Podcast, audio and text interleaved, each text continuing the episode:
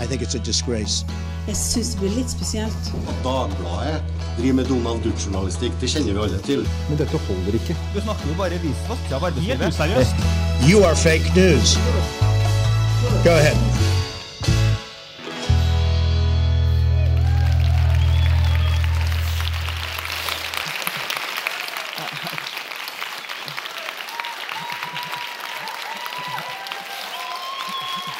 Dette er jo helt fantastisk.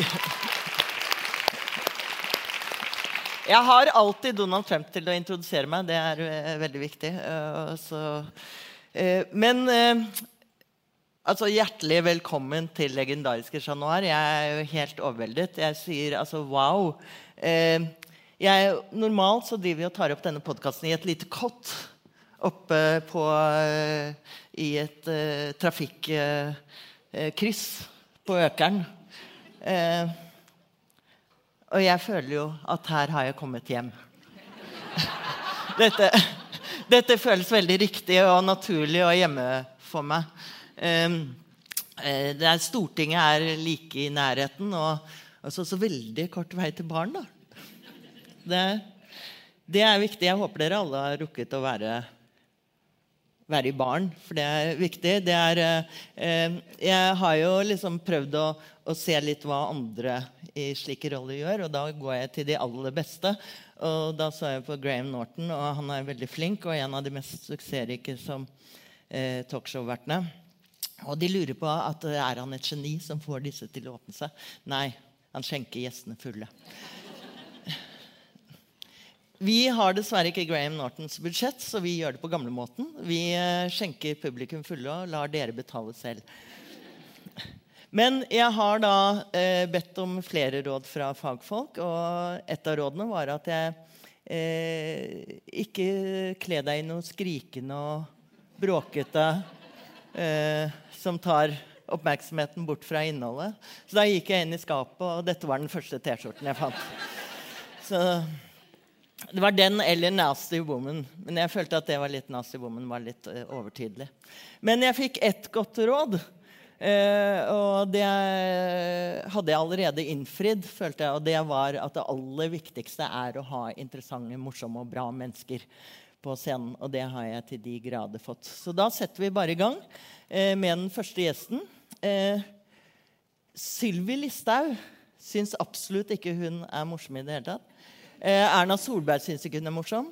Juryen i Humorprisen syns ikke hun er morsom. Det syns heller ikke jeg hvite eldre menn i kommentarfeltene. Og listen er faktisk ganske lang over mennesker som ikke ser vitsen med vår første gjest. Men det gjør derimot 200 000 ihuga blodfan av Norges største podkast, Tusvik og Tønne. Så ta godt imot Sigrid Bonde Tusvik. Hei. Takk.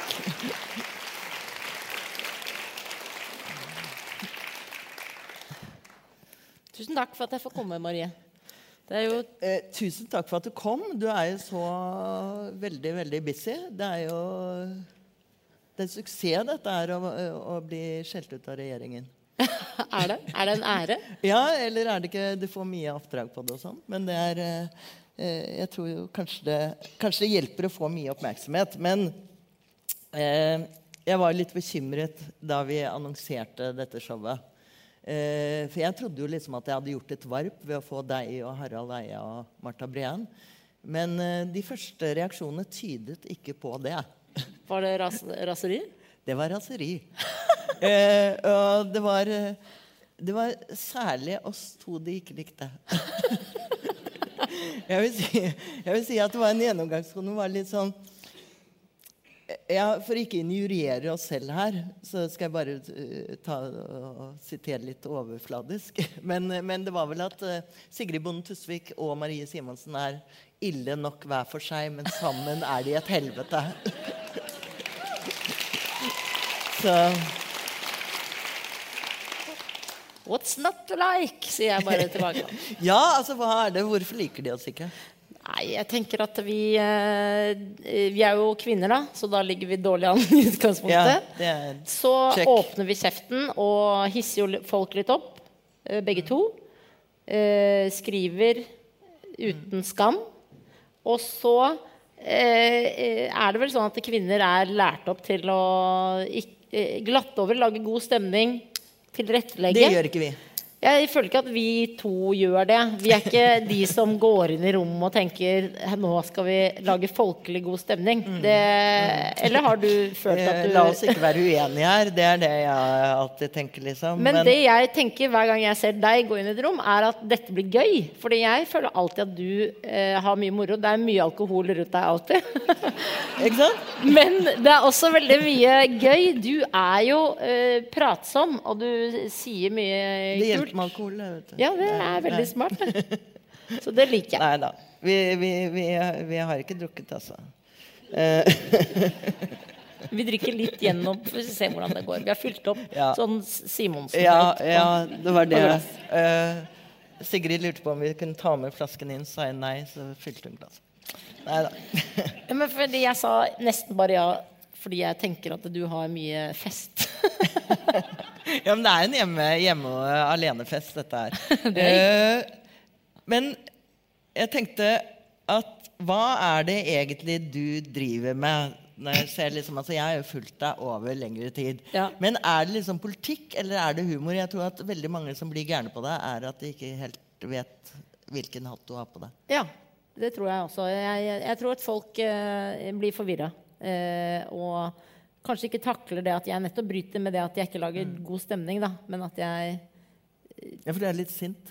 Ja, jeg vet ikke om jeg skal si det. Eller det Ja, var veldig gøy, for jeg møtte Kari Jakkesson eh, eh, oppå Nordstrandplatået, der hvor begge to bor. Og da sa hun til en annen gammel dame Det der vet du, er jo hun som er så sinna. Og da tenkte jeg å når Kari Jakkesson syns at du er sint, da er du faen meg sint, ass! Det var eh, en åpenbaring. Da er det på tide å roe seg. Ja, da tenkte jeg nå må jeg bli folkelig og årets eh, deltaker eller menneske eller hva det er man Ja. skal prøve å bli. Ja. Men, eh, men jeg snakket med en ung kvinne. Jeg kan avsløre at det var frisøren min.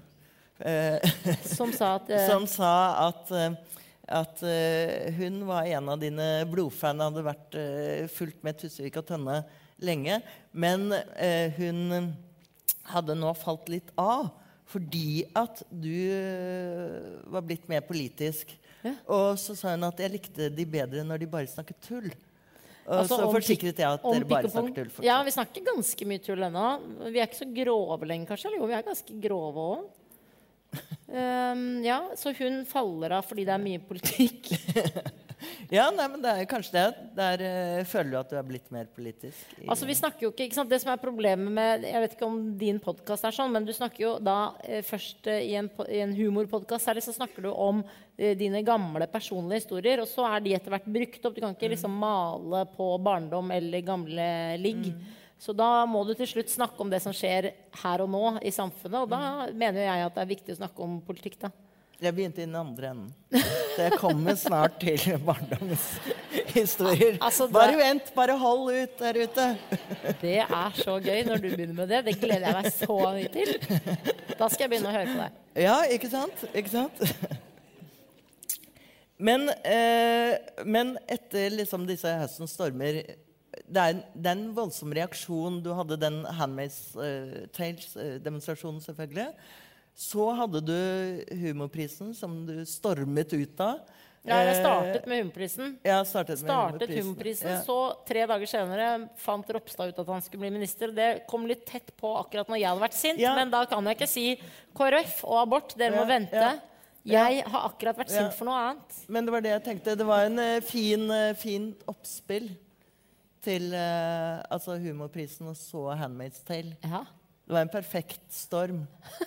Og så etterpå det fikk eh, Ørjan eh, Bure eh, gjennomgå. ja, og inni Har der var det lagt noe opp Vær en sånn tretrinnsrakett? Det var femtrinns, egentlig. da, for det var egentlig. da, så kom Sylvi Listhaug med hashtag 'ikke min komiker'. Så kom uh, Erle Sørheim med uh, 'Vær varsom'-plakat. Og Giæver var krenka. Og så, eh, så kom eh, Ørjan Burøe. Ser, du- ser du en fellesnevner i dette her? eh, Generelt raseri. Ja. Eller eh, Ja. Nei, men er det eh, Jeg tenker at det er en sånn slags eh, For det er jo ganske mange forskjellige temaer Men de reagerer litt, reaksjonene er litt på samme måte. altså At det er en slags sånn Og der kommer Sigrid Bonde Tusvik igjen. Og så blir de samme menneskene blir sinte på deg. Ja, Uansett hva det handler om. Altså, det å overdrive og eh, egentlig da hisse opp massene er jo min dagjobb, egentlig. Å sette ting på spissen da, er jo en komikers jobb, mener jeg. I hvert fall eh, de komikerne jeg liker. Så da må det jo bli sånn. Akkurat eh, komiprisen, eh, eller humorprisen, da, som den het, eh, eh, føler jeg var eh, riktig fordi vi ble behandlet som en minoritet. Men vi er ikke det. Vi, er, vi kan ikke liksom sammenlignes med tre mannlige innvandrere. Vi er masse humorkvinner eh, der ute. Og det var det jeg Og vi skal på. komme tilbake til det om kvinner egentlig er morsomme. Det Det- tror jeg ikke vi er. Men uh, vi prøver hele tiden å nå opp til mennene. Det er utholdelig å ikke komme seg dit. Men, men eh, når det gjelder Sylvi Listhaug, du er vel ikke sånn veldig lei deg for at du ikke er komikeren hennes? Nei, det var jo en ære. At, eh, hun, okay. at jeg ikke var komikeren hennes, var faktisk veldig gøy. Og en lettelse. og Erna Solberg også. Vi var jo på eh, Erna Solberg er ganske sånn Ja, eh, fin i- eh, humoristisk sans. hun. Ja, for hun var jo igjen på 150-årsjubileet til Dagbladet. Da sto du ved siden av henne når jeg hadde mitt eh, humorinnlegg. Ja. Da var, da, akkurat da var hun ikke så blid på meg. Så Da, Nei, så hun var veldig da sur. blikket hun meg. Ja. Ja. Og hun var veldig sur mot meg òg. Nei, så øh, Jeg kom liksom øh, løpende bort til Erna og hadde helt glemt at jeg var en del av Sigrid Bonde Tusvik entourage. Eh, av de som var slemme mot Erna i abortspørsmålet. Men eh, før vi bringer inn eh, eh, resten av gjengen eh, Vi har jo en slags sånn overskrift om hva som er innafor og utafor i, i denne podkasten. Men er det kan du si litt kort, er det fortsatt sånn at det er snevre ytringsrom for kvinner? Eh, vi, altså jeg føler jo at jeg er bevis på at jeg kan si hva jeg vil, men Mm. eh, det kan jo hende at det jeg sier, skaper mer overskrifter og eh, hisser opp uavhengig Eller. Du ser ikke bort fra at du bare er veldig mye flinkere til å provosere folk. Jeg vet ikke. Jeg kan jo tenke meg det. Vi skal snakke, vi skal snakke mye mer om dette her. Eh, vi har flere gjester, eh, så la oss eh, få dem inn med en gang. Eh, Nestemann ut er eh, Hun er faktisk Norges eh, mest eh, internasjonale forfattere, Eller i hvert fall én av de. Hennes siste bok om muser og menn er solgt i hele 25 land. Eh, så ta godt imot den ustoppelig kule og smarte Marta Breen.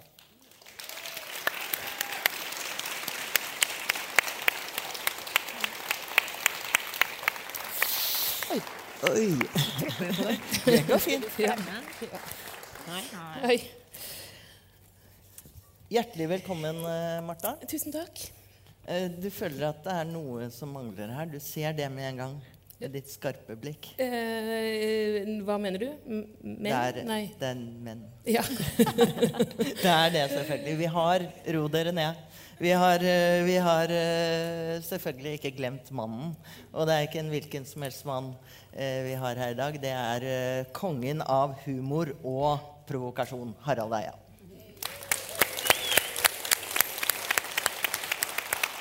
Tusen takk. Tusen takk. Hei, velkommen. Jeg så dere klemte da dere kom inn. Ja. Jeg tenkte det var litt rart at jeg skulle klemme deg, Martha. Vi har stått og klemt nå Ja, i ti minutter bak scenen her. Ferdig med det. Det er så dårlig gjort at du bare metoo-er én kvinne bak.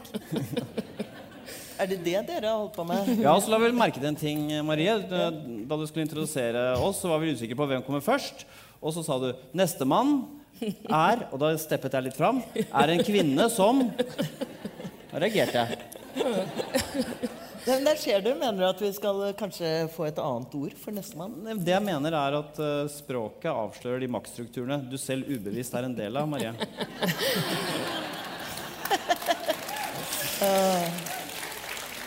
Det aner meg at dette kan bli en uh, tung uh, kveld. For jeg kommer eh, Mitt mål er liksom å sette deg litt fast, men det, det, det tviler jeg på at jeg kommer til å klare.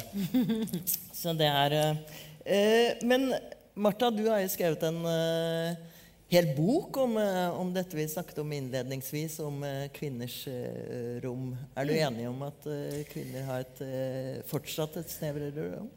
Ja, jeg er for så vidt det. Og det noe av utgangspunktet for boka eh, var jo et eh, forsøksvis åpent spørsmål, da, hvor jeg skulle undersøke hvorvidt eh, Virginia Woolfs eh, bok fra 1929 fremdeles er aktuell. Om, er det sånn at det er lavere under taket i kvinnerommet? Men Eh, det var på en måte ikke en sånn eh, Jeg er ganske åpen på at jeg hadde jo mine teorier på dette på forhånd. Det var ikke sånn helt sånn åpen leting. Eh, men, eh, men det er dessverre sånn at det er det, altså, Vi ser det jo, og vi vet det selv, men eh, det finnes også masse undersøkelser på alle mulige områder, som jeg kommer inn på noen av dem. da, F.eks. kvinner og humor, kvinner og eh, kvin kvinnelige politikere. Hvilke spillerom har de? Hvordan eh, fokuserer vi på eh, ja, utseende og kropp og sex når det gjelder i forhold til kjønn, eh, kvinner og alkohol. Ja, i det hele tatt. Eh, hele veien. Eh, andre rammer, og gjerne litt trangere rammer for jent, jenter og kvinner. Og lettere Jeg sammenligner det med en sånn balanseline. da, At eh, menn har litt breiere og litt strammere linje. Det er litt lettere for dem å komme helskinna over, mens vi skal lite til før kvinner tråkker uti. da. Det er ikke en line, egentlig. Det er en brei planke vi har. yep. Men eh, Harald, eh, det har jo handlet om eh, Du og, og Sigrid har jo tørnet sammen en del ganger. Eh, vi skal komme litt nærmere inn på, inn på dine preferanser når det gjelder ros og ris. Men eh, Nei, ikke ris, egentlig. Det var, det var, det var å skryte for mye. Det var å skape for høye Ja, menn vil helst ha ris fra andre menn, ja. Det blir Eh, liksom ikke men, helt det samme. eh, men, eh, men syns du egentlig Sigrid er morsom? Ja, veldig. Jeg er veldig imponert over Sigrid. Jeg har fulgt Sigrid Jeg var jo, hadde jo jobbet som komiker lenger, da du begynte.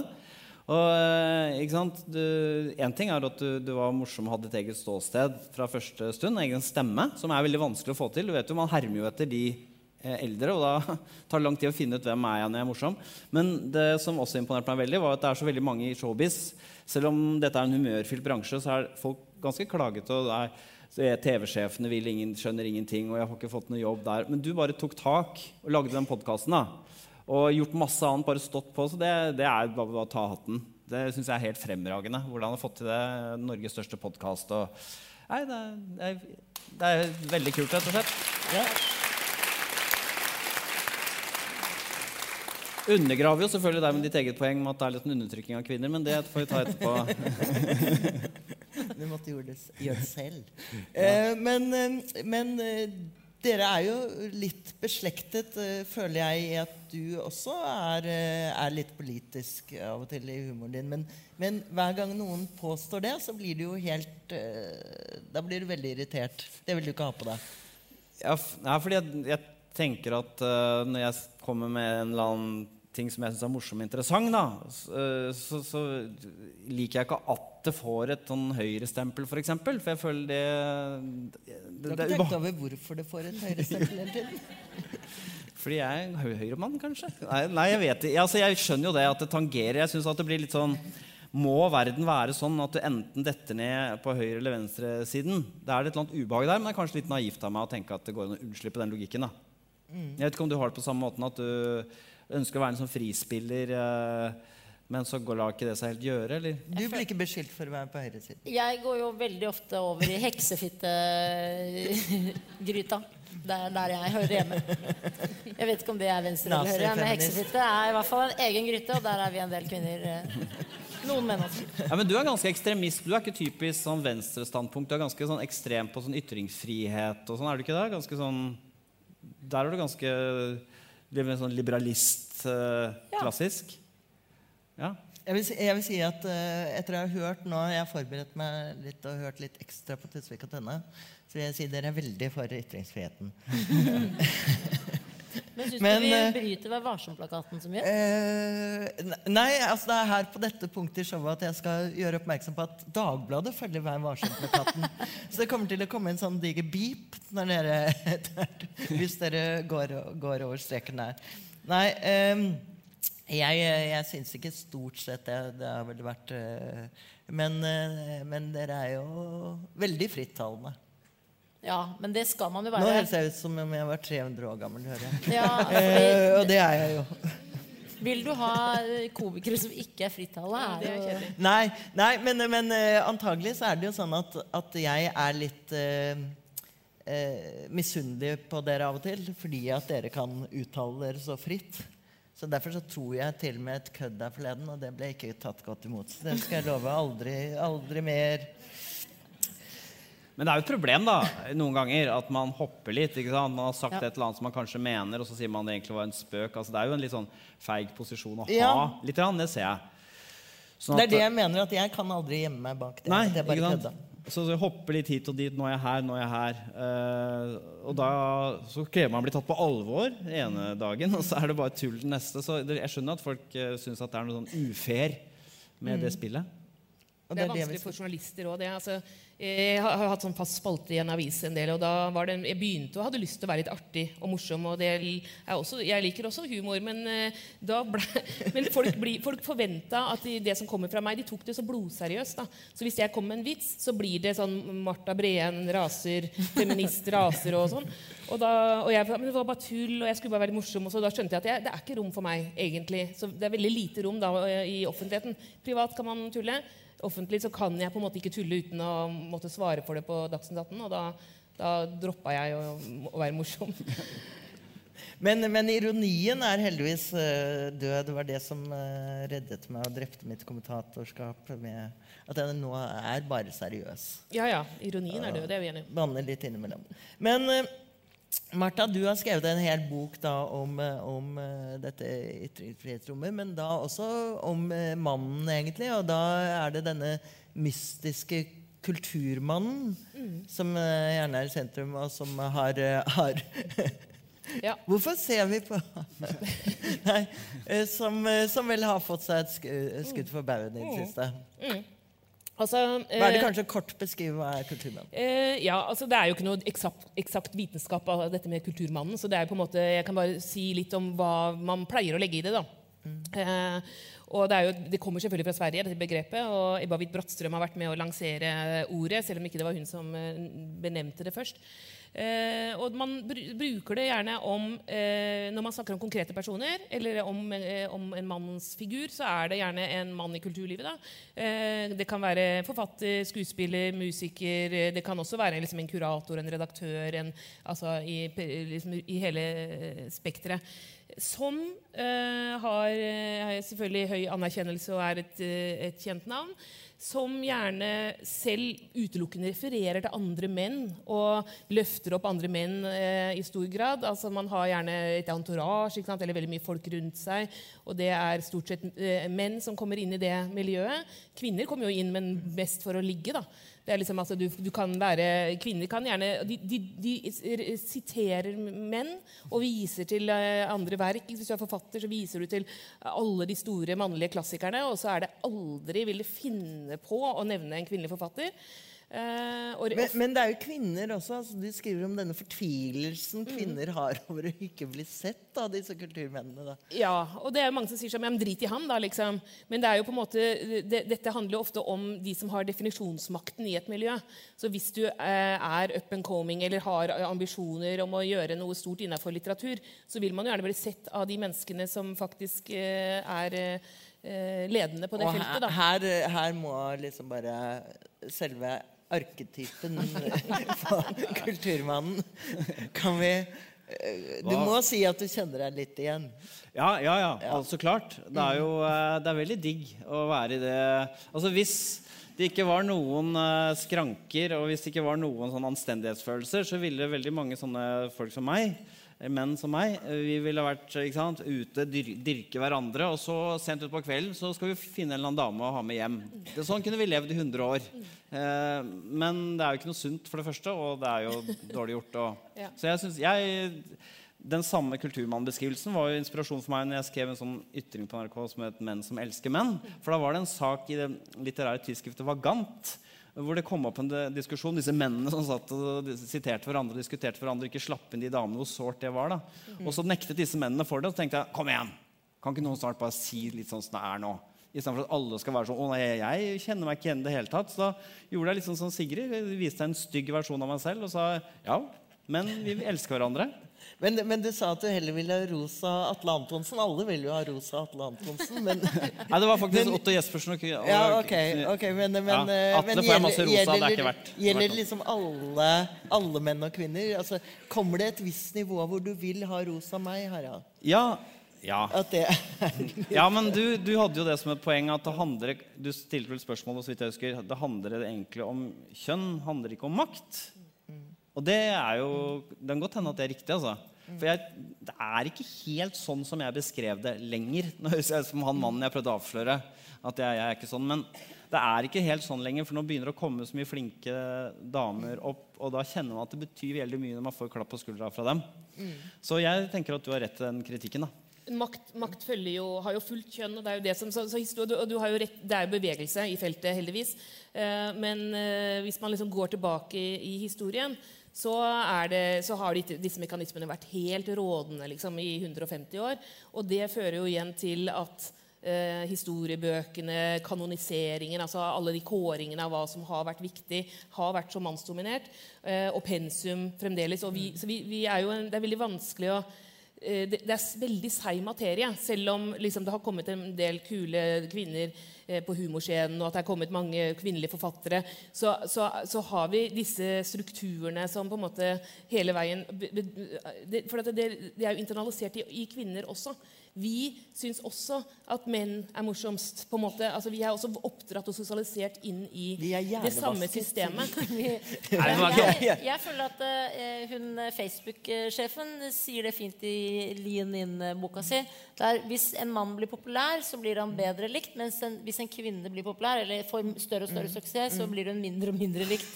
Og det, er jo, det merker man jo også. Og jeg tipper jo at du tåler jo nå når du er, altså, du er øverst på pallen, å få ros da fra kvinner er selvfølgelig hyggelig.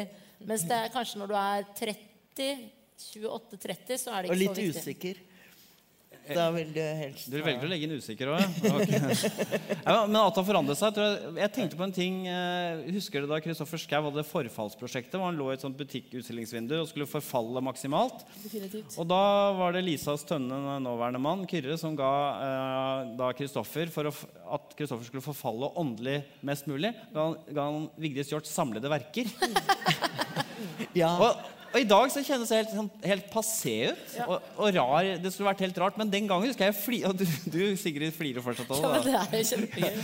Så, så det er da husker fli, jeg flira litt. Det Ja, men det var jo på en måte ikke sant? Altså, Dere syntes jo det var veldig gøy, men jeg husker jeg sto også på Karl Johan og så dette her. Og, og, syns, og ble litt sånn lang i maska. For jeg det. elska jo Vigdis Ja, Hjorth. men vi turte jo ikke si det, for Nei. det var jo så innmari uhipt. Jeg elska jo Lyni Trekrem og Kari Bremnes også. Men det var liksom så Kari Bremnes? Å, shit, det var visst ikke helt inne. Altså, Jo, Kan du det ikke er si det det? som er viktig, at man Si ler. Du må si det med en spesiell ting, en spesiell eh, motivasjon. Det var det hele, Jeg skal bare si det. Du må komme, du, Jo, for eksempel at du, at du sitter på toalettet og plutselig ser du den berømte sangstjernen gå forbi. Kari Bremnes!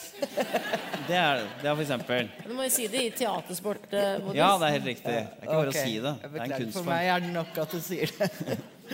Men, eh, men Sigrid, du var jo som vi var inne på at du har vært i en del trefninger med Harald eh, tidligere. Og det var jo en eh, artikkel som du og eh, Ole Martin Ile og Nils Benna skrev i 2013.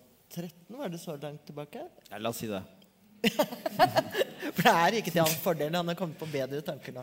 Eh, men, men eh, da skrev disse tre gutta la ut om at nå var, nå var eh, mannens verden over, og nå hadde kvinnene overtatt. Og det var like gjerne å Ja, bøye seg for det. ja, det var jo egentlig at kvinnen hadde overtatt fjernkontrollen. Ja, Og det var veldig sårt for Harald. ja. Det var et Og jeg var i sjokk at Harald faktisk, faktisk så på Skal vi danse. Ja. Det syns jeg var veldig fælt. Men det du Siden jeg synes skrev han er eh, et humoridol. Men, Men du skrev jo da en, eh, en kommentar, et svar til Harald, som, som eh, jeg tror fortsatt er det mest delte noensinne i norsk presse. Og det det var ikke så veldig rart, for det var, overskriften var 'Det er sædflekker på Harald Eias briller'. Ja, Haralds Eias briller er flekta sæd. ha- eh, eh, har du noen gang brukt briller? Er jo Er du brille... Ja, jeg, jeg, ja, du har briller. jeg er veldig nærsynt, så jeg må ofte bruke briller når jeg skal onanere. Så ja, det er riktig. Men altså, det, det er jo veldig lurt akkurat det var det ingenting å si. si sant, det fordi Det er ikke sånn at du har flekker av sæd på linsen nå, ja. og at jeg må Ja, oppgradere svir tittelen. Men poenget var jo da at du mente Du kalte vel nærmest en runkering hvor disse gutta Jeg satt kalte det absolutt en runkering. Det mener jeg at uh, Ja, jeg er. Og Ole Martin Nille og Nils Brønna er fremdeles i din runkering, uh, regner jeg med.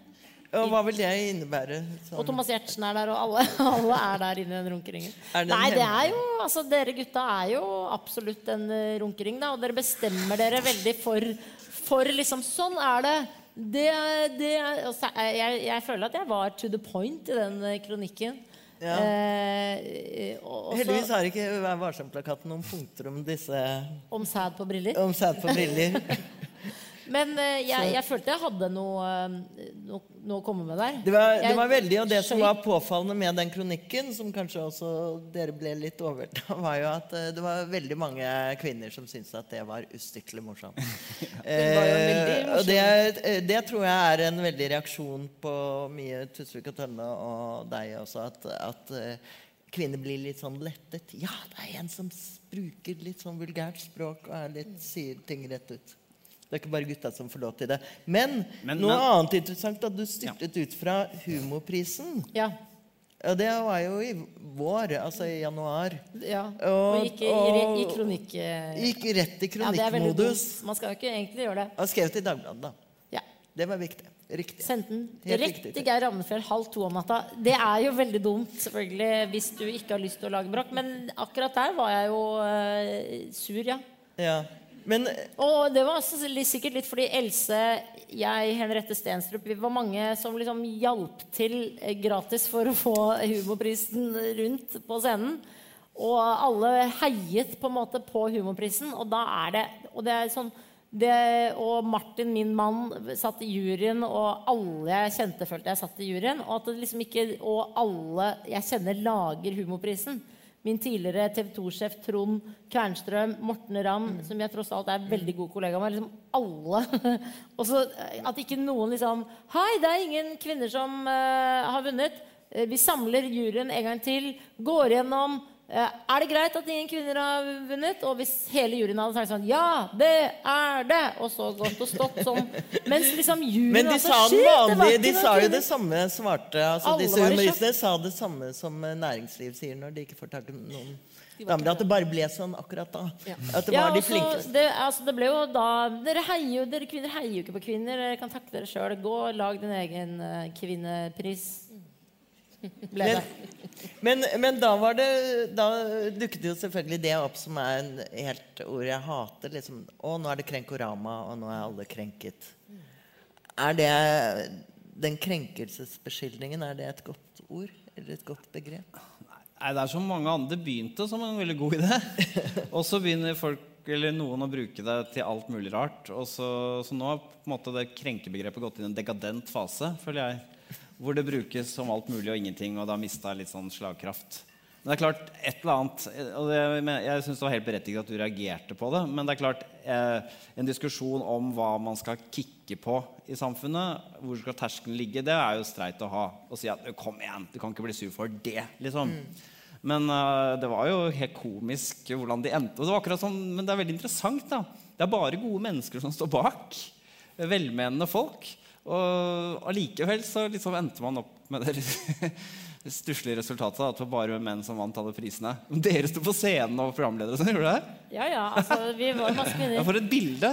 Dere gjør grovarbeidet, og så håver vi inn alle Ja, nei, det var ta seg alle Altså, det var, det var, det er, jeg syns det er rart i 2019 da, at ikke noen ja. Mm. kvinner var morsomme i 2018. Men det var jo ekstremt mange i kommentarfeltene, og særlig i min egen innboks, Mm. som skrev Men i alle dager, da får du jo bare fatte at ingen kvinner var morsomme i 2018. Så jeg får jo bare ta det til meg, da. Men, eh, Men, eh, men dere stikker av gårde med de store pengene, så da er det jo Det er bare. Tusvik og Tønne som gjør Det bare Tusvik og Tønne. okay. Men det er jo veldig altså det som er så bra med at du gjorde det, da eh, Selv om eh, ikke sant, mange syns at det er overreaksjon, og at eh, det var en ly- så er det jo sånn at eh, da eh, får man jo løfta fram altså Det var veldig mange som ikke hadde tenkt at, eh, at kanskje en, vi skal se etter en balanse, eller kanskje vi skal se etter noen andre. Eh, Og, ingen, og det der at man bare reproduserer. For hvem er det som bestemmer hvem som er morsom? Hvem er det som bestemmer hvilke bøker som fortjener nobelprisen? Hvem er det som bestemmer hele, hvem som skal kjøpes inn til uh, museene? Det er jo eksempel Kunstverdenen i Norge er jo helt drøy. Uh, de 20 mest tjenende kunstnerne i Norge er bare menn. Eh, Nobel, altså Av alle nobelpriser ever så er det liksom eh, 2 er gitt til kvinner. Så dette her reproduserer seg så lenge vi ikke stopper opp og så spør ok, hvilke kriterier bruker vi, hvem bestemmer, hvordan tenker vi, tralala. Vi, må, vi må jo gjøre Men det. det er jo spørsmålet, altså, fordi at dette er en slags sånn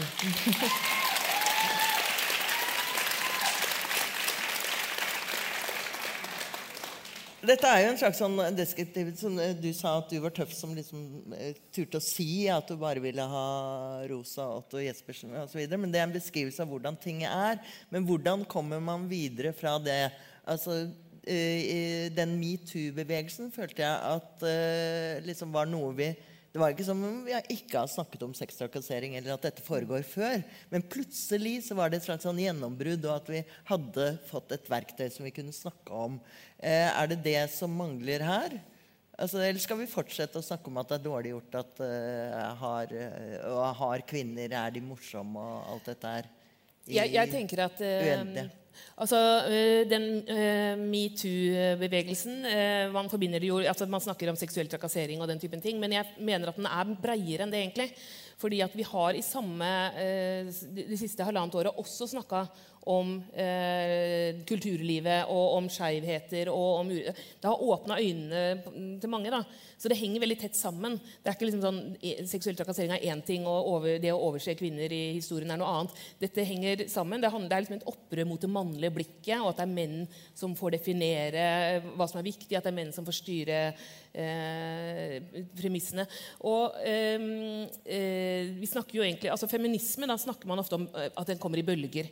Eh, første bølge med feminisme var jo på en måte på 1850-tallet, når man begynte å snakke om at kvinner kanskje også burde få være borgere og kanskje få lov til å tjene penger eller ta utdannelse eller stemme. Og sånne ting. Og så kommer det som blir snakka om som den store bølge nummer to helt eh, på 1970-tallet eller 60-70-tallet. Så det var veldig langt eh, sprang. Og så er det noen som snakker om at vi hadde en bølge på 90-tallet, og, og så har vi en bølge nå. Det er ingen tvil om. Eh, og, som, eh, og så lurer folk på liksom, hva er det som skjer med kvinner når de plutselig våkner opp og får lyst til å snakke om dette.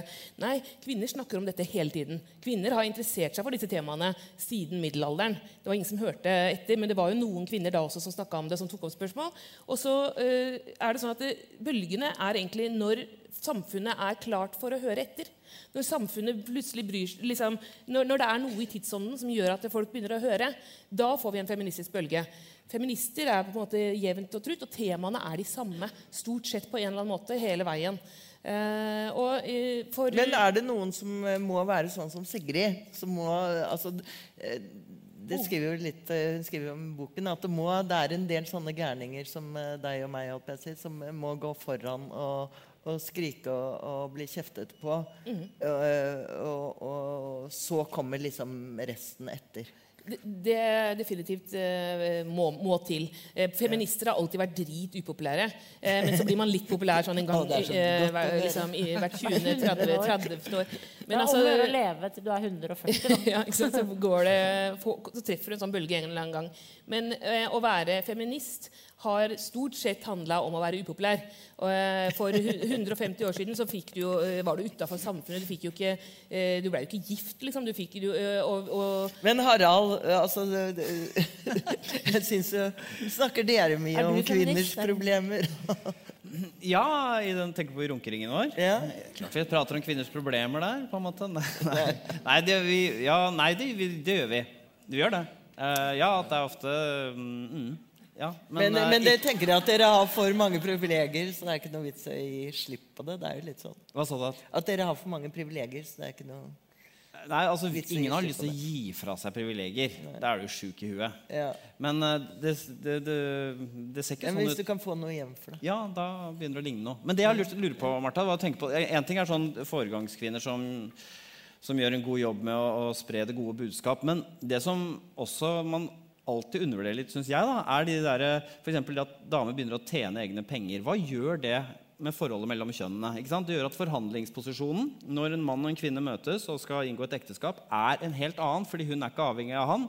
Den psykologiske effekten er litt sånn underbeskrevet, for den er litt sånn kjedelig. Men den tror jeg har eh, Den jobber veldig tungt. Så noen Den er ikke underbeskrevet, Harald. Den har vi snakket om hele tiden.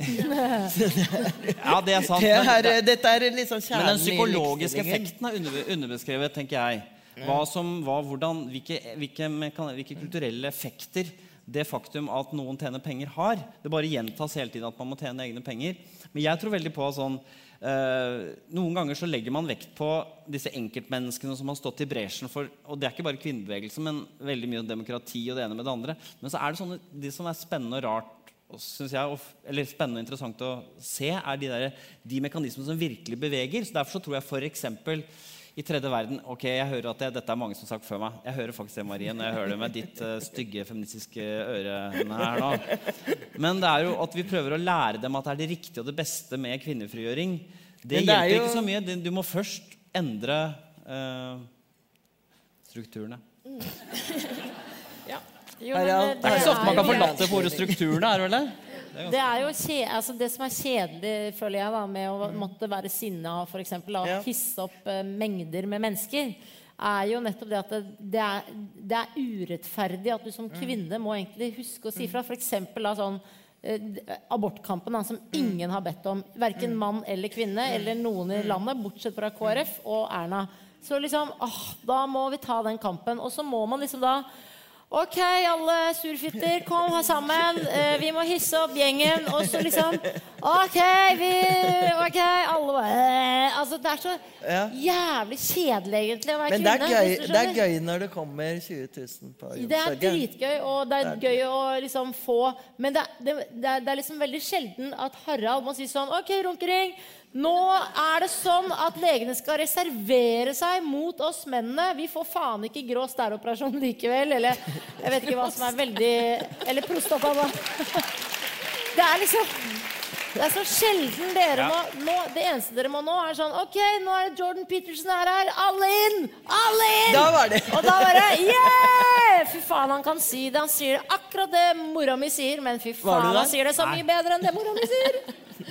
Jeg Var du ikke der? jeg var- Nei, jeg var ikke i Oslo. Jeg har vært og sett han, jeg. Men uh, ja. Men eh, apropos Men er, jeg må bare Ja, få hvorfor- svaret fra Harald. Er, Ja, er, det, skjønner du at det er kjedelig å være kvinne? Ja, ja, ja det skjønner jeg. Ja, for det, det er jo kjedelig. Det er jo mye gøyere å kunne si 'jeg vil ha ros fra noen', og så alle bare 'fy faen, det mener du'. Mens liksom eh, det er kjedelig å måtte kjempe sånne kvinne, kvinneting. Og den eh, ulikheten i tilbakemelding tenker jeg på når jeg tenker på dere to. da? Altså Den veldig kjønna tilbakemeldingen som du får, som går på liksom eh, og som, som kvinner i offentligheten får, som går på utseende, på kropp, på at man eh, liksom, å, 'Utrolig at du har fått deg mann og barn', liksom, jeg spyr og sånn. Den, den, den tilbakemeldingen får kvinnelige komikere og kommentatorer og politikere. Mens eh, den kritikken som går på menn, kan være krass. altså Det er jo mye drit der ute. Men den går ofte ikke på akkurat det som er helt eh, nærmest av det samme med minoritetskvinner. De får jo på, på hvem de er. ikke sant? Så, altså Hudfarge, etnisitet, religion. Eh, og kvinner får på kjønn, mens menn får ikke fordi du er mann, og fordi du har tiss, og fordi du er så stygg. Og det er liksom, altså, det er liksom du, får, det, du får på det du har sagt. Og på, liksom, i, i, det, er, det er forskjell der. Det kommer litt av sånn du er gubbe og Ja. Ja, Gubbedebatten har jeg bl- Ja. blusset opp. Det var veldig mange som uh, mislikte. Ja, ja. Eller, eller hvite eldre menn er også blitt et sånn Er de Det også er hvite middelaldrende menn, var det vel? Var ikke Kåre Willoch Hvite middelaldrende Ja. menn. Er det sant? Ja, for gubbedebatt er, eh, er Hvite middelaldrende menn har også blitt en debatt. Men uh...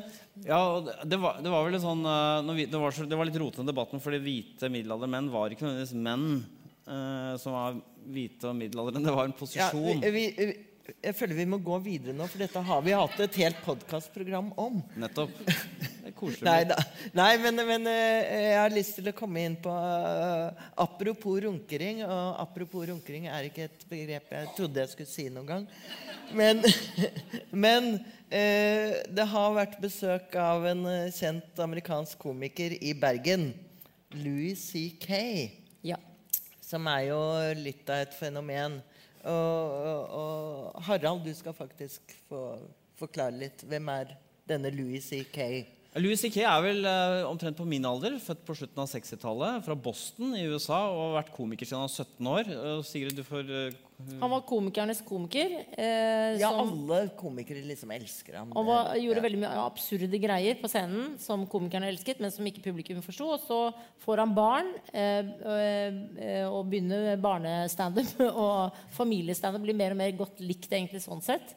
Og eh, gjøre om bli mer og mer folkelig og, få, eh, og har på en måte vært nå i de siste åra verdens flinkeste standup-komiker.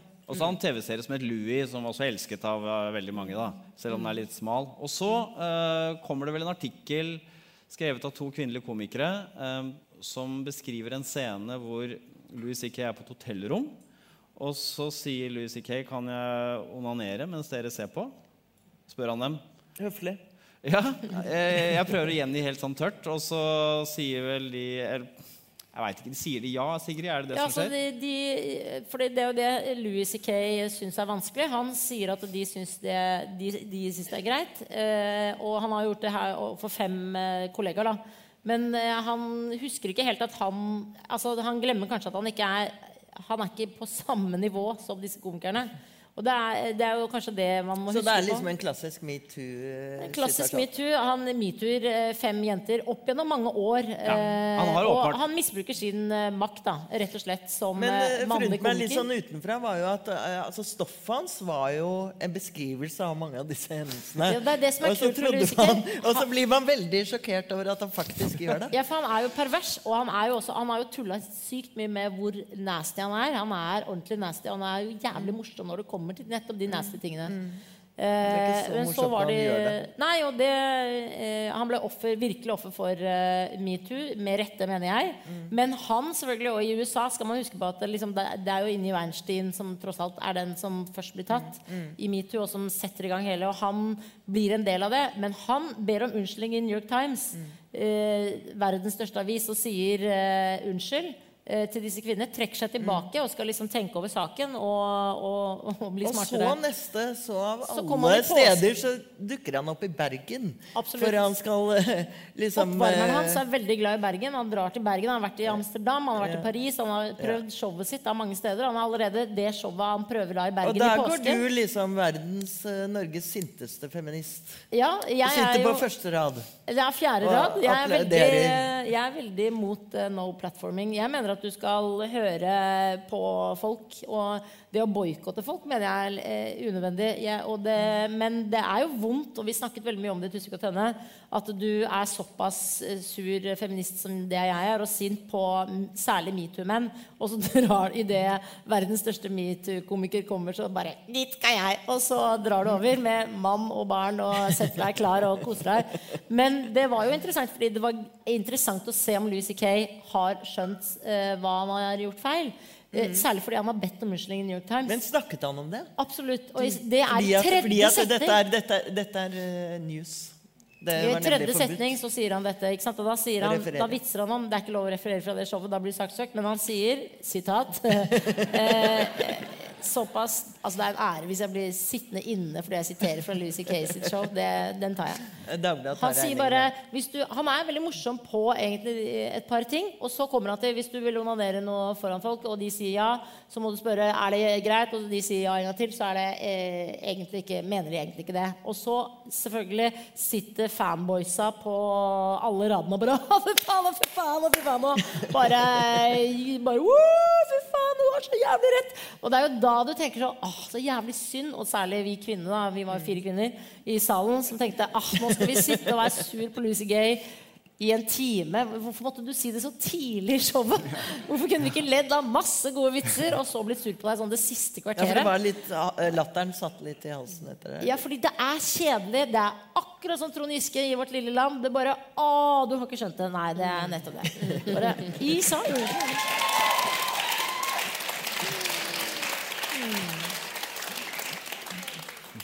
Men, går det an å skille, særlig når du bruker så mye av det personlige stoffet, som også Sigrid sier han brukte i showet sitt på Bergen, som var det eh, han skulle liksom komme tilbake og gjøre et comeback med, og så viser han at han snakker om det fortsatt og ikke har skjønt noe. Gjør ikke det litt vanskelig å skille mellom komikeren og Jo, det er jo liksom det er Alle sånne komikere de- Det er en slags lek. ikke sant? Du sier at 'nå skal jeg fortelle om livet mitt', men du vet ikke helt om det er sant. Men du antar, men du håper at det ikke er sant. Du, men skal du le av det, så må du tro det er sant. Um, så det er jo et uh, dilemma, selvfølgelig. Han, måtte jo kommentere det. måtte Han jo, ikke sant? Han må jo snakke om det alle tenker på. Uh, men det er veldig interessant, de reaksjonene. sånn jeg vet ikke hva du tenker, Sigrid, men jeg, har veldig sånn pragmatisk forhold til uh, komedie og komikerens eh, synderegister. Altså, Bill Cosby, som jeg egentlig synes er veldig morsom, han kan jeg ikke høre på lenger. Jeg tenker bare på voldtekt. Ikke sant? Men uh, Louis C.K. jeg syns han fortsatt er morsom. Og det syns nok en del menn Tenker bare på Anani. ja, og det, ja, det gjør jeg uansett når han snakker, da, for han snakker så mye om det. Men, men for, det er ikke så ille at det forstyrrer den, den, de, de tingene som har blitt beskrevet. tror jeg en del menn syns ja, det, var, det var dumt, det var ille, men det er ikke så ille at det forstyrrer er opplevelsen av komedien Kelly. hans. Du klarer å høre på R. Kelly og Michael Jackson? Nei. Ja. Vet du hva jeg liker å høre på? Jackson 5, den tiden Michael Jackson ble misbrukt selv. Det syns jeg er koselig. Da er det hele startet. Reisen starter. Nei, Michael Jackson har mange problematiske vet du, Jeg har sett begge de to dokumentarene. Eh, altså, altså, etter at jeg så R. Kelly-dokumentaren og Michael Jackson-dokumentaren, så har jeg fått problemer. ennå. Jeg, jeg har elska Michael Jeg var en blodfan i eh, barndommen. Så det, det, det- Kanskje kan det går over. på- Men, eh, og R. Kelly har jeg aldri likt, så det er ikke noe problem. Men, men, men Michael Jackson det er et problem. Louis C.K. eh, er for så vidt enig at eh, med dere altså er, man må jo kunne skille. Det er jo, ikke, det er jo veldig stor forskjell å oppføre seg som Cosby og Weinstein og dette her. Det er jo en patetisk eh, sak for så vidt å drive og runke og spørre om lov og ikke vite helt hva man gjør. Men, eh, men eh, han, det som var, så, som var så ekstra kjipt med den historien med Louis C.K., var jo at eh, han var på en måte i mitt bilde den store feministiske mannen. eh, liksom, jeg, altså, jeg elsker jo mannlige feminister. Eh, og, det, og han var på en måte Jeg tror jeg har trukket fram noe av det han har sagt noen ganger som sånn et eksempel på sånn kan man gjøre det. liksom, og sånn kan man eh, nærme seg dette temaet og likevel være en kul mann. Men han er altså, jo fortsatt en god feminist, men han har jo et uh, forkvakla seksualliv, da, stakkar. Ja. Ja, men det er jo ikke noe synd på han. Men, for det er ikke noe synd på en fyr, og han, eh, han har tjent helt vanvittig med penger, så det er ikke noe synd på heller fallet til Louis C.K., for han er steinrik resten av Men hva er livet uansett. ditt? Men det som er synd på, det man ikke tenker på, er jo liksom selvfølgelig hvordan Louis C.K. og alle metoo-erne der ute har ødelagt karrierer som egentlig kunne liksom vært sikkert bra karriere. da. Hvordan du stopper kjapt en kvinne i å blomstre. Eh, nettopp, Og det tror jeg ingen metoo-ere skjønner, egentlig. Hvordan de kjapt har stoppet noen til å bare tenke ah, dette tror jeg ikke jeg orker. Og da er du som regel fra 19, eller kanskje 16, da, til 29 år. Det er som regel da jeg tipper at du blir metoo-et. Og det er jo da du egentlig er på reisen til å kanskje Og så blir du stoppet liksom av noe som er så jævlig unødvendig. Det er jo det man i hvert fall Men med andre ord, det er en ganske alvorlig, da.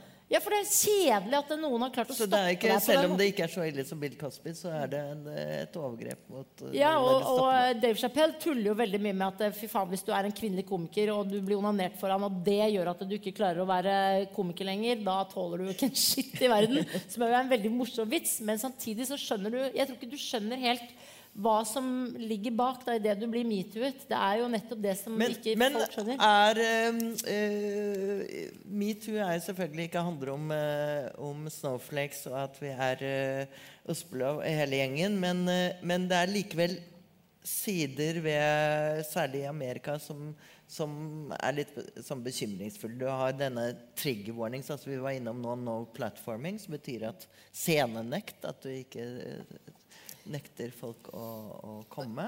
Eh, det har vi en diger diskusjon om hvorvidt Steve Bannon skal komme til Bergen. Eh, eller han kommer jo neste Nordiske mediedager. eh, Nordiske mediedager neste uke. Han er jo Donald Trumps eh, doktor Frankenstein, er mest kjent for det. Eh, det- jeg legger merke til at han er Mange tror at monsteret er Frankenstein, men det er han som skapte monsteret, som er Dr. Frankenstein. eh, men eh, det har vært mye diskusjon om no platforming med han. Eh, vi skal ikke gå så mye inn med den. Men denne trigger warnings er jo en sånn eh, eh, interessant greie. Burde Louis C.K. når han dukker opp på humorscenen, ha en sånn trigger warning? Pass opp, her er det grove vitser. Ja, Det vil nok de fansene hans elske, for de er jo smykker seg med å ikke frykte noe, sikkert. Jeg, jeg, jeg, jeg er ikke den rette, til å uttale meg, for jeg i likhet med deg sikkert, sikkert reagerer veldig lite på nesten hva som helst. Så, men jeg, jeg syns det er vanskelig å ja, Men hvis akkurat en komiker Det er klart du går ikke for å se på Louis C.K. hvis du har blitt Neida. onanert foran uh, fra du var 15 år, liksom. Eh, men uh, Men generelt med trigger warnings, Ja, bare, det er, er det et, eh, er det et Altså, det, blir jo det blir jo brukt veldig sånn, negativt mot f.eks. Ja, feminister eller minor, folk fra minoritetsbakgrunn som, har, som prøver å, å fremme eh, et tema. Så får man som, høre at man er, at man er eh, forbudsglad. Da. Eh, ikke sant? Hvis du for eksempel, som, som feminist da, har jeg erfaring på det. Hvis jeg kritiserer et tema, så, får, så blir du stempla av en viss type folk som at du ønsker å forby det. For Man tror alltid at kritikk betyr at man vil forby det. Og det er veldig sjelden egentlig at folk roper opp om forbud. Eh, Men, eh, men altså, no platforming er jo på en måte et forbud, og det er ganske eh, strikt. og det er, det er ikke mange i Norge som, som på en måte eh, vil eh, at, forby folk å gå på scenen. Men det der med trigger warning også, det, jo, kommer jo fra USA, og det er ikke så veldig utbredt i Norge. Men eh, det er jo liksom blitt oversatt med dette vi var inne på, krenkelse. altså trigger, At det, at det er krenkelse. Og det er litt sånn latterliggjøring. da, fordi at eh, alle tenker at er, du er latterlig hvis du blir krenket. Men eh, det trigge det betyr jo liksom at det, dette kan eh, Trigger betyr jo at det kan utløse noe. Og det å i noen tilfeller eh, kanskje mark, eh, merke noe da med f.eks. at det, i denne filmen er det veldig seksuell, eksplisitt vold. Ikke sant? Det kan jo være altså jeg mener at Vi burde være åpne for at det kan være greit å si fra om en, en gang Men ikke på et standup-show, for der skal det være et Ja. trigger. Veldig stor forskjell på det. Ikke sant? På et standup-show så mener jeg at det er noe helt annet. Hvis du går på et standup-show, så kan man jo eh, Vi er jo på et nettsted som jeg snakket med deg før showet, som, hvor det gikk inn var en som skrev at eh, Å, kunne vi ikke starte med en trigger warning på eh, Netflix og HBO og sånn?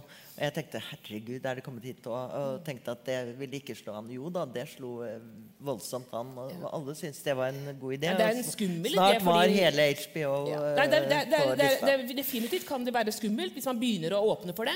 Men så tenker jeg at, eh, og, og også sånn som det har, vært, det har ofte vært knytta til universiteter, og man skal ha trigger-warning på visse professorer og sånn. Det er jo selvfølgelig bare tull. Men, men eh, når det gjelder Det er jo, eh, det står jo, det er jo 15-årsgrense og 18-årsgrense på noen filmer pga. visse ting. Og, og, og, jeg tenker personlig bare at hvis noen hadde sagt til meg når jeg skal se på en krimserie, da, at i den krim her så blir det drept masse unger, for det synes jeg det skjer jo hele tida i sånn eh, moderne krim. Ja, si gjerne fra til meg, så kan jeg slippe å se på den. For Jeg, jeg syns ikke det er noe kult. Eh, hvis det liksom, Jeg er blitt kjempepissed. Jeg har holdt på å hoppe Handmaid's Tale. Mm. Tør ikke si det til deg, men, eh, men Altså måtte du hoppe Du, av du skjønte egentlig ingenting av det Sigrid gjorde. han seg ut med den der hetta. Jeg skjønner Jeg ingenting. Jeg har ikke sett stoppet opp lite grann fordi jeg syns at, eh, at det var så mye vold mot kvinner. Da. Ja, det var Som, viktig å vise ja, vold jeg, kvinner. jeg skjønner at det var det. Jeg skjønte det da du kom på Slottsplassen. At dette var viktig. Men i den offentlige samtalen, som også dette vi skal snakke om, er jo at det er en voldsom polarisering. Eh, det er litt sånn koko-høyre mot skrotvenstre, er det man snakker om. Og det var litt av det vi oppdaget som jeg innledningsvis sa at alle syntes at det var veldig fælt at vi fire skulle være på show sammen, for vi mente akkurat det samme. Det antagelige. antagelig. Ja, og så sa jeg Harald, Eie er jo her. Jeg er konfliktsky. altså Jeg mener det samme som dere her på scenen. ja. Ja, det var det. Det er en slags sånn osmose mellom oss. Men Harald bryr seg bare om menn, så det er ikke noe viktig for han å vite hva vi andre sier. ja, ikke sant? Så dermed så jatter han bare med. Ja, bare, ja, bare med jeg får høre hva du sier. Men Men er det en litt sånn ond sirkel, tenker jeg, den eh, polariseringen med at vi har liksom koko-høyre og, og skrotvenstre, som det kalles i sosiale medier? At man må tute med de ulvene som er der? At du må liksom kaste deg på de samme greiene? Du er vel eh, skrotvenstre, da? Ja. Eller den rikeste, jo- rikeste kommunisten i, I Norge? verden. I Norge. Ja. Ja. Ikke i verden, kanskje. Nei, ikke. Hva stemmer du. Sigrid? Jeg stemmer eh, SV, Rødt eh, ja. Ja. Arbeiderpartiet syns jeg har for streng flyktningpolitikk, så det er jeg vanskeligheter med. Ja. Så det er jo mye SV og Rødt Eller Rødt, siden jeg bor på Nordstrand, så er det viktig å gi Rødt en stemme sånn kommunalvalg. Ja. Så er det viktig å Og du er nyliberalismens glidemiddel. Eller? Jeg ble kalt det av en fyr på venstresida. Det var det du var i, Ja. uh, var i uh, Lille Lørdag. Så det begynner jo å bli en stund siden. Hva stemmer du, da? Jeg eh, stemmer Arbeiderpartiet. Jeg, jeg tenker at jeg er på høyresiden av Arbeiderpartiet. Så som veldig mange menn Langt i siden uh, i i norsk politikk. Men, men politikk. jeg tenker i, den, uh, I den vanlige mennesker er jo, tror jeg, er liksom trette av de skrikhalsene på langt høyre og venstre side. Jeg tror jeg syns det er spennende tider nå, for nå akkurat det dukker opp et sånn eh, rom i midten nå som bare lengter etter å bli fylt av noen. En fornuftig, kul stemme. Det er hvor Venstre og KrF var. Ja, på, må- eller en sånn moderat, fornuftig stemme som er kul. Fordi de, det er mye lettere å være morsom når du klinker til. Det er mye lettere å stå ut når du er, eh, men, eh, når du er langt ut på høyre- eller venstresiden. Men det er en sånn tretthet fall, som jeg kjenner på. Da. De fleste i Norge står jo politisk på midten. Det er bare at det er blitt så veldig lite vitalt. Eh, og kjedelig å høre på. Det er jo en pine å høre på alle Arbeiderpartipolitikere snakke. Man gråter nesten. Og, eh, så det er eh, eh, Men man lar seg litt blende av det der kommentatorfeltet og alle de folka som har ekstrem mening. Men Mainstream-Norge er, jo veldig- er jo veldig skikkelige folk. da De er for likestilling, for miljø, Ja. for velferdsstat. Ikke sant? Alle undersøkelser sier jo at vi er for innvandring, f.eks. Altså, Ja, sånne ting. eller positivt til innvandrere. Så. Rotevatn er egentlig din yndlingskomiker? Nei, politiker. Sveinung Rotevatn. Ja, jeg, jeg vet, jeg måtte bare tenke meg om. Jeg tåler ikke trynet på han, gitt. Nei, det er ikke Han er, han er han, han, Det sier Er meg litt lite. Ja. Men, eh, Hvem er det som men Norge er, vanlige nordmenn er veldig redd for innvandring òg. Vi lagde en ordsky som eh, Sigrid tok noe på undersøkelsen vår. Vi spør folk hva frykter du kan ødelegge Dette er i for- briller hvor dere lager sånne? Ja, lager sånne. Hva er det du tror, hva tror du kan true Norge er en av verdens mest vellykkede samfunn. Vi er så lykkelige og fornøyde, alt funker. Hva kan ødelegge dette her? Og da er det innvandring som er det store ordet. da. Så det er litt, Vi er for det, men vi er liksom litt redde for det også. Mm. det vi liker, er vel å se når liksom andre tredje generasjon med innvandrere blir kliss norske. Det er deilig. det. Bare det ikke leder 17. mai-sendingen. Da blir Jo, det jo, vanskelig. bun, hvis det er bunad. Ja, da går Ja, det. ja, og Men, men eh, Så i, fem IS-barn som nå dukker opp i bunad, da er, eh, da er, da er vi solgt. da har vi det gående. Nei, det Vi, vi kaller det Syria-barn i, i Dagbladet. Er For vi er, vi, er, vi er politisk korrekt, og det er faktisk politisk korrekt. Det er bra bra at. Syria er en A-endelse i Dagbladet. Da, sånn sett. Ja, for det er sjokk å høre på svenskene. At... altså, Sigrid har tidligere vært korrekturleser i Dagbladet. Har du det? alt da er det veldig slitsomt, fordi i Dagbladet skal du skrive 'ei jente', fordi du skriver 'jenta', men eh, ingen journalister vil skrive 'ei jente', for det syns dere høres nynorsk ut. Og det var et helvetes mas som måtte rette opp alle eh, alt Jeg som kommer fra. Eplehaget på Oslo vest, jeg sliter fælt i Dagbladet. Moren min trodde at jeg hadde forvekslet bylinen min da hun leste meg første gang i Dagbladet. Men jeg eh, tenkte da jeg inviterte deg, Harald, at eh, hvordan i all verden skal jeg få inn hjernevask i dette programmet? Det begynner jo å bli fryktelig lenge siden, så jeg tenkte at det var, ville virke litt krampaktig. Men jaggu er det aktuelt igjen. ja. Fordi eh, hjernevask er eh, Det er det som er litt eh, skummelt med å mene, mene sånne ting til Høyre, Harald. At du nå er blitt omfavnet av høyrepopulister i Ukraina og altså det er, dette, er, dette, er, dette er virkelig de som ikke er så bra. Eh, De, Ja, jeg- de liker hjernevask fordi at de er mot kjønnsforskning. Ja. Det, hvordan føltes den omfavnelsen? Nei, jeg, opp, jeg oppdaget det, jeg var på ferie det ble, Hjernevask ble oversatt til mange språk. lagt på YouTube med teksta. Og da var jeg på ferie i Roma sammen med kjæresten min. Så kom det tre sånne dødsmuskuløse karer bort. Kjente meg igjen med tattiser. Jeg var jo livredd, for jeg trodde de skulle angripe oss. Oh, You're Harold! Ta bilde sammen! Og, og Nadina hvisket til meg ikke nevn at jeg er halvt marokkansk. Så det var da jeg begynte å skjønne at eh, fascister og eh, høyrepopulister hadde omfavnet Hjernevask-prosjektet. Fordi de hater eh, likestilling, de hater kjønnsforskning, de hater feminister. Og da oppfatter da at hjernevask er et angrep på det. Og har da omfavnet dette her. Og på noen sånne mannettsider så er jeg kåret til The Man of the Century.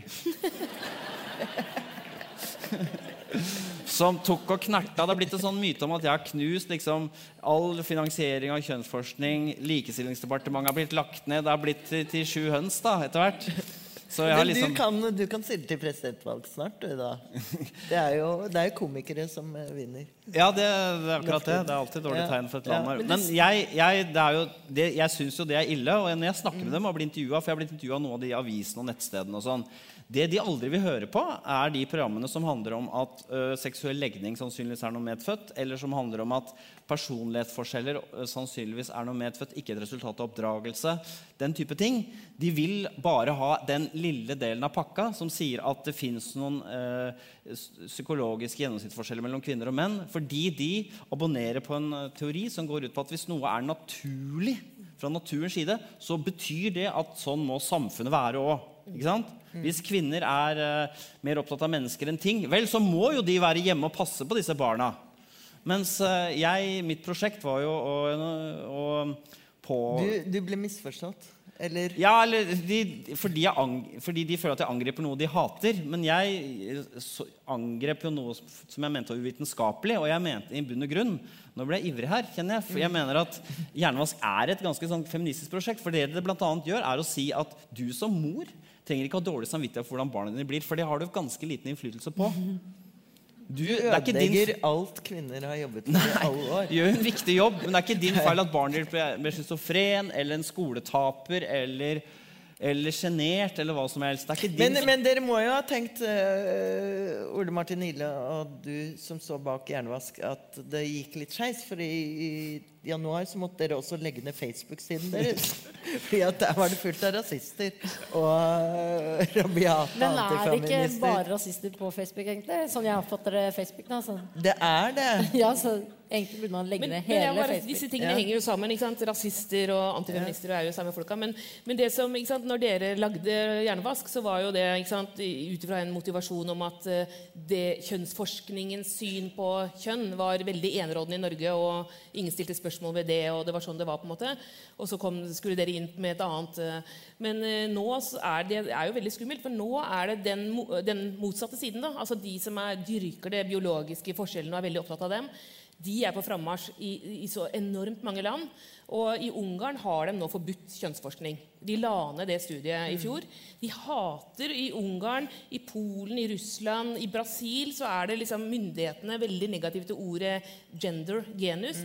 De mener det på en måte er eh, symbolet på alt som ødelegger den naturlige kjernefamilien. Og disse kreftene er sterke eh, og eh, på frammarsj, og abortmotstanden er på frammarsj. For, for noen uker siden så var det en eh, svær kongress som heter Verdenskongressen av familier i Verona i Italia.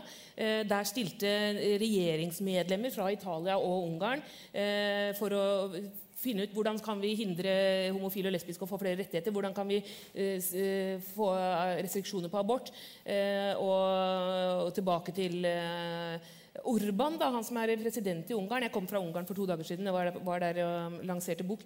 Og eh, Han lanserte nettopp da en eh, skattelette for alle kvinner som klarer å få mer enn fire unger. Da, hvis du får mer enn fire unger, så behøver du aldri betale inntektsskatt resten av livet. Oi. Eh, er nye forslaget, da. En, et tips til Erna Solberg, som trenger Dette er et tips til Erna sier, Det høres ut som nyttårstalen. En slags variant av nyttårstalen til Solberg. ja. Erna, Jeg skjønner ikke hvorfor ikke Erna har kommet på dette her. Altså, det er skatt, skatt og flere barn. Det er jo en eh, perfekt kombo. Men jeg tenker også at eh, det, mange har spurt hvorfor vi ble så opphisset over abortendringen. fordi det liksom ikke rammer så mange. Men, men eh, man må jo se det også mot det bakteppet der, tenker jeg. At det er i press på Men så er det jo også at man som feminist kan se på likestillingsloven som på en måte urettferdig overfor menn når man har så, kommet såpass langt i likestilling. Da kan man kanskje begynne å tenke at eh, eh, ja, altså det, fordi det føler jeg i hvert fall eh, kanskje sånn feministmessig så prøver jeg alltid hver gang jeg liksom snakker med en journalist eller et eller annet om at man er feminist, at feminister heier jo veldig mye på menn også. Det er ikke noe at det er et stort ønske om å ta mannen. Det er et stort ønske om å stå ved siden av mannen hele tiden. Og mannen er man aldri er imot. Vi elsker jo Kulturmannen og Det er det vi har lyst til å suge kulturmannen stadig vekk, og så skammer vi oss etterpå. Og så anmelder vi han for metoo ti år senere. Nei, men det, ja. Ironi var død, jeg det glemte jeg. Men jeg tenkte å komme, jeg må komme litt innpå også eh, hvordan det er å stå i en sånn skittstorm som eh, du har gjort i vinter, og, og som du har vært gjennom flere ganger. Eh, og eh, du fikk jo Sylvi etter deg, og hun hang seg ut til den sjarmerende gjengen sin på Facebook. Og da endte de i drapstrusler. Ja. Det var Det var andre gang jeg opplevde det. Jeg, gjorde, jeg fikk drapstrusler forrige gang eh, da jeg skrev om flyktningkrisen. Eh, Så dette var andre gangen. da Og da eh, Det er veldig fint med sånn politiet som tar det veldig, veldig seriøst. Og eh, ba meg flytte barna mine om natta, og de kunne ikke sove hjemme. Og de var, de, jeg ble jo livredd. Skulle aldri ringe politiet. Da skjønte jeg jo Ja. hvor alvorlig de tok det. Men eh, de oppfordret meg til å leie en vakthold, og det gjorde jeg. Og så, altså, liksom det, De oppfordret deg til å leie privat vakthold? ja, fordi de kan ikke beskytte, de kan ikke stå hjemme de kan ikke, vi, vi skulle jo ha et sceneshow samme to timer etter at jeg fikk den Voldsalarmen drapstrusselen. virker jo ikke. Nei, men de kan ikke gi deg det så fort heller. så De kan ikke stå inne på Parkteatret og passe på deg. Du må, de kan patruljere utenfor. Såpass irriterende er det å være politi. at De kan ikke gå og klemme deg og holde rundt deg. De må bare gå rolig forbi. Nei, så det var jo eh, Og akkurat det er jo eh, veldig kjedelig, fordi du, eh, du uh, føler jo at du utsetter jo mange rundt deg for ekstrem frykt. Og Ble barna dine redde, eller? Nei, jeg sa det ikke til barna, men selvfølgelig Jeg bor jo sammen med mamma og pappa og Martin, som liksom alle eh, måtte liksom forholde seg plutselig til noe du har ment. Og eh, Sylvi Listhaug var jo veldig opptatt av at dette hadde ikke hun noe med å gjøre. Men hun, Nei, hun jo opp sin menighet Men du, eh, veldig men, ofte. men du svarte jo på en måte med å kalle henne en djevelens kvinne i Tusvik og Tønne. ja, eller Lisa uh, kanskje kalte henne det. Ja, det var ikke. mulig det var Lisa som eh, kalte Men, henne det for deg. men vi har sagt mye dritt om, eh, Sylvi Listhaug. Ja. Men du eh, hadde jo også en episode hvor, eh, hvor det var en, eh, en som hadde kritisert deg, og som, hvor du nærmest oppfordret Erle Marie Sørheim. Ja.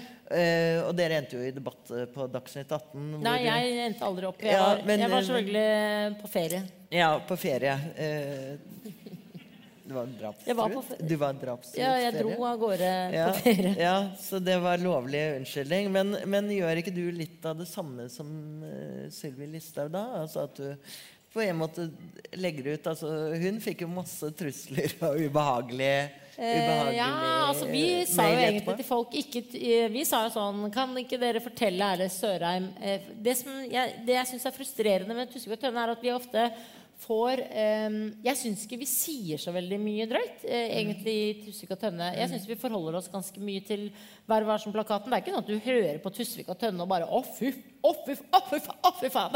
Hvert minutt er, eh, er eh, anmeldelse til politiet. Ja, jeg syns ikke det sånn komikermessig.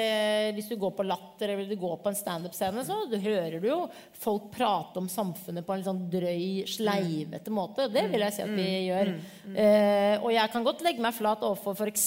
da Erle Sørheim følte jeg var veldig krenket på vegne av Fridtjof Jacobsen. Da kan jeg be om unnskyldning, men Biff Malibu ber jeg ikke unnskyldning eh, overfor i det hele tatt. For at vi måtte se eh, Biff Malibus 50-årskrise live på Lindmo med Glucifer, det syns jeg eh, var såpass vanskelig at det, At det måtte der, eh, påtales. det måtte snakkes høyt om. Men eh, med Erle så sa jeg jo Kan ikke fungfolket si, altså vårt, våre fans, si fra hvorfor de liker oss? Jeg føler veldig ofte vi må eh, Veldig ofte så får du beskjed om at dere snakker om dere er så jævla grove og dere er så snine i det.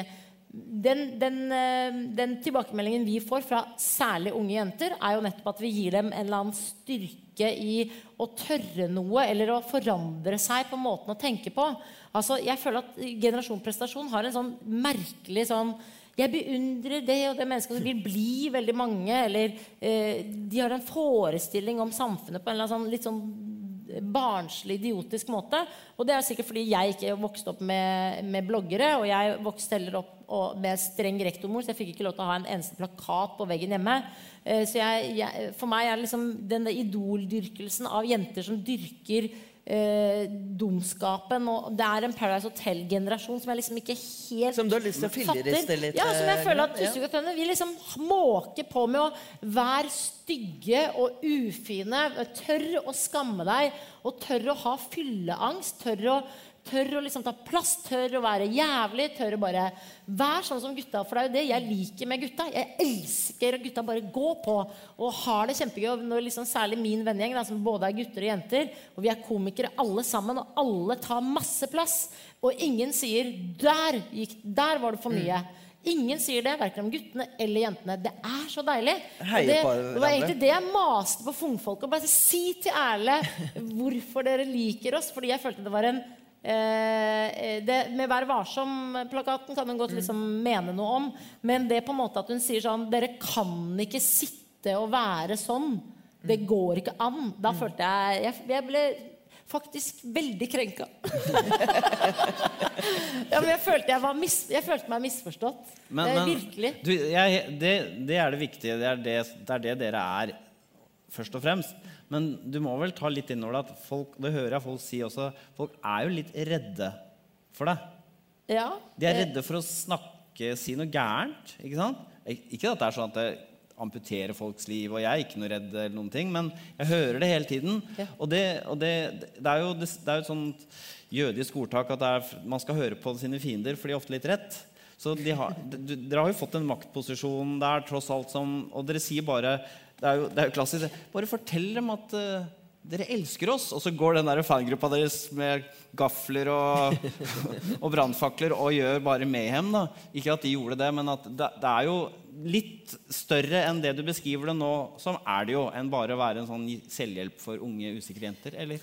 Ja, altså vi har jo 230 000 nedlastninger i uka. Så vi, jeg skjønner liksom at det er 230 000 mennesker Hvis 230 000 sendte Erle Sørheim meldinger, så må det ha vært litt mye.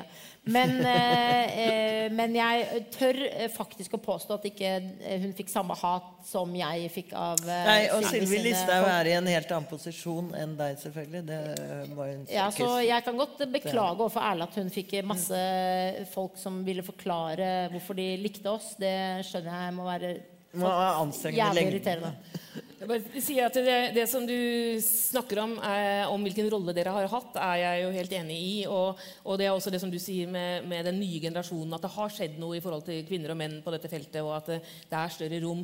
Ikke sant? Jeg tror at Når du eh, viste fram rumpehullet for 25 år siden på TV det Jeg viser ikke fram rumpehullet, Martha. Nå må det være Det er det som ligger mellom rumpehullet og pungen. Ja, det var det det var. det var, det det var. Eh, Men dette området, da, skrukken, det kunne selvfølgelig aldri aldri en kvinne ha gjort for 25 år siden. Eh, ikke sant? Eh, I dag, Jeg mener ikke at det er målet at alle skal kunne vise det på TV. men jeg Vibeke må si at det- Løkkeberg hadde allerede gjort de det. tingene som dere snakker om, på en måte, ikke sant? Hvor, hvor, det å ta drøye ord i å snakke om kroppen sin på den måten dere gjør, eh, og det å kunne tulle med kroppen sin Menn har alltid kunnet tulle med kroppen sin på scenen og være liksom sånn, putte en rakett i rumpa på rock, og sånn turboneger, og alt er bare gøy å stå og riste på flesk og sånn.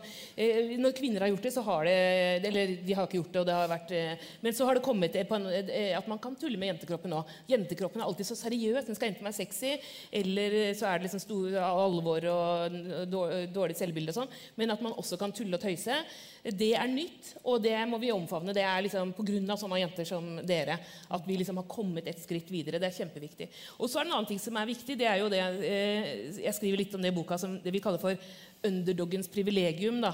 Altså, eh, hvem kan si hva, når og til hvem? ikke sant? At Man hele tiden man må vite når man er privilegert, og når man ikke er det. Og det kan forandre seg i løpet av en eh, livstid eller en karriere.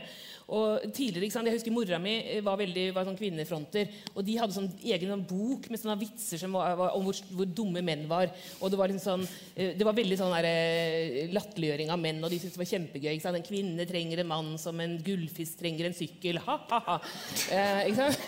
Og det var sikkert gøy ikke sant? på 70- og 80-tallet. Og, og, så er det liksom sånn Men så, så ser jeg, hvis du sitter liksom Jeg husker jeg så et sånt CV-program hvor hvor Elisabeth Skarsbø Moen, som da var politisk redaktør i VG, sitter sammen med Anne-Kat. Hærland eh, og, og, og, er sånn rå i kjeften, utdritende mot han, eh, han, han på vaskemaskinen, han eh, politikeren.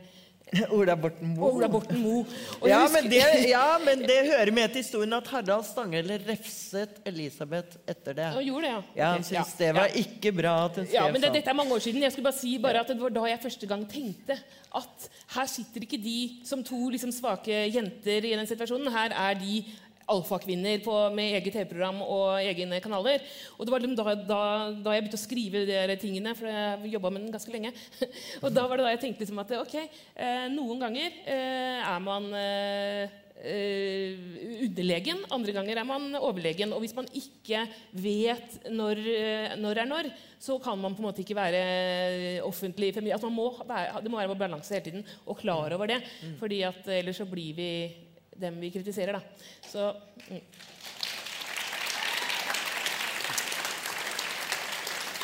Men Harald, du syns eh, Du har jo holdt på en stund eh, og laget eh, humor på, i flere tiår. Og du syns at, at dagens publikum er litt mer sånn hårsåre og Nei, nei, nei, jeg klager ikke over det. Det er en annen type sensitivitet eh, blant publikum. det er det. Akkurat som om folk har blitt mer empatiske. At de er kjappere ute med å tenke at nå ble noen lei seg. ja. Det, det er helt tydelig. Og empati er på en måte en gift. eh, eh, med all mulig respekt. Altså, komedie eh, du, du, le, Jeg lo ikke så mye av Chaplin som barn. Men så synd på han. Slo seg hele tiden. Men eh, du må jo frakoble empatien din. Da ler du. Sånn at eh, Ja, jeg, jeg har sett det. Men ikke bare en del sånn kvinne-mann-ting. Bård og jeg vi hadde sånn nummer som vi gjorde ofte for, sånn, eh, på firmajobber. Joker Nord, eh, som var sånn fra Team Antonsen. Hvor det dukket opp på sånn Plutselig kom det en sånn skjeggete fyr, og så sa jeg er, er det eh, Så var det da en selvmordsjoker, ikke sant? Og i begynnelsen, blant 2005-2006, så flira folk av det. At det var eh, og sto hijab og noe greier. Men så gikk det et par, og så ble det bare helt stille. Og da så kom, en gang kom det en fyr bort til oss, og, du, og det var det samme nummeret. Eksakt samme. Kanskje, jeg syns dere skal slutte med det. Fordi folk begynner å tenke at eh, det er synd på muslimene som sitter i salen. Dette skal være en hyggestund, og det, plutselig er det ikke det. Men før, da det var masse også muslimer i salen, da satt folk og lo opp i trynet på de. Så det, det er man Så må, vi er til og med Game of Thrones er uh, visstnok uh, har roet ned voldtektsscenene pga. metoo. Ikke sant? Der ser du. Ja, det er, eh, jeg visste jo at det ble bløt allerede da det, Bård parodierte meg i Storbynatt. Og jeg gruet meg noe voldsomt til det, og så kom det, og så jeg tenkte jeg dere skulle ringt meg, skulle jeg gitt dere flere gode penger. Mye, kunne vært mye verre enn det. Nei, parodier jeg skal være full av kjærlighet, syns jeg. Så det var egentlig en hyllest. Men til slutt, vi har snakket mye om uh, i samtalen uh, og hvordan den fungerer og ikke fungerer. Djevelens verk i den offentlige samtalen er jo Facebook. Og jeg ble veldig betatt av en idé du hadde på Tusvik og Tønne om at du tror på en revolusjon. En, eh, du mener at Facebook gjør oss dølle. Ja. Ja, hvordan da? Nei øh, Altså, ja, jeg mener Facebook gjør oss dølle. Jeg syns vi blir kjedeligere folk av det. Eh, både fordi man Altså, du blir uvenn med naboen på en sånn feil måte hele tida. Det, er- det er et eller annet kjedelig med det. Vi, vi rekker ikke å komme i gang med noen debatter før det er et eller annet som har blitt eh, krenket, eller plutselig er det en helt annen retning. Altså, vi, det er, det, jeg, jeg skjønner det ikke. Jeg er men jeg elsker jo ytringsfrihet. Jeg elsker jo at nettopp ikke bare Marie Simonsen kan skrive i Dagbladet, men at det liksom plutselig kommer ting fra sidelinja og sånn. Men så går man inn i den derre tralten som er bare så feil. Og så kjedelig og så dørg... Altså, Jeg skjønner det ikke. Men, men eh, hvordan skal revolusjonen komme? Mm. Eh, kjæ- eh, det nyttet jo ikke å skrive brev til eh, Dear Mark. Eh, Men det er fordi han ble filmet sånn. Dear Mark! Det, det, altså, bruken av eh, Jeg er helt enig i det du sier, og jeg skjønner jeg, hva du mener. Eh, fordi at man blir jævskla lei. Eh, av eh, de samme det, det, det, det, det blir så fort eh, dølt. Blir liksom, altså, eh, og, så blir, blir man jo opptatt av å være likt, ikke sant? og så blir du døllere sjøl fordi du passer deg. og så alt det der. Eh, samtidig så er det sånn at med sosiale medier så har jo altså For feminismen jeg tenker for eksempel, hvis, satt, eh, hvis en eller annen politiker eller fyr satt på Dagsnytt eh, eller satt på Redaksjon 21 da, på 90-tallet og sa eh, noe sexistisk eller noe horribelt, så blei det liksom et leserinnlegg eh, fire dager etter eh, i Aftenposten, og det var liksom reaksjonen. Mens nå så kommer det der, Ja, det og det er gøy, og det gjør at vi alle blir skjerpa, for du skjønner at du kan ikke bare sitte og komme med noen myter som ikke du har hold i, og, og bare si piss. Så, så det er jo liksom sånn begge deler. Vi, vi blir skjerpa av det også. Ehm, men, eh, men, jeg, men, men bruken av Facebook har jo forandra seg veldig de siste altså, Hvis man ser, får sånn minne eh, sånn Facebook-minne åtte år tilbake, så blir du så flau. Bare la jeg ut det, liksom. Sånn skikkelig døll sånn derre 'Nå drar jeg på kafé'. Eh, altså, det var bare sånne der veldig dølle ting. da. Eh, så, og, så vi bruker det annerledes nå. Og jeg tenker at det går om fem år er ikke sikkert vi bruker Facebook, bruker noe annet, vi bruker det sikkert annerledes. eh, Man, man forandrer det, da. Så jeg, jeg tror ikke på kanskje revolusjon her, men mer sånn at eh, vi, vi, vi blir alle enige om at det er for mye kjedelig der nå. Marie, du har veldig Jeg kondis kondis på Facebook med å, gi, å svare på uh, rabiati. jeg er jo, jeg er jo Er du den nye Elin Ja, Ørjasæter? Nei, Martha mente, Martha mente at jeg burde svart litt speedigere når de var slemme mot Sigrid og meg under. Men jeg er liksom vertskapet for denne Facebook-siden. Da må jeg si sånn Jeg spurte eh, eh, blant annet en som mente at den ville ha helt andre gjester her i kveld. Og spurte jeg, ja, hva slags gjester vil du ha, da? Hva er din drømmegjest? Noen med livserfaring. En som har tatt livet av seg, f.eks.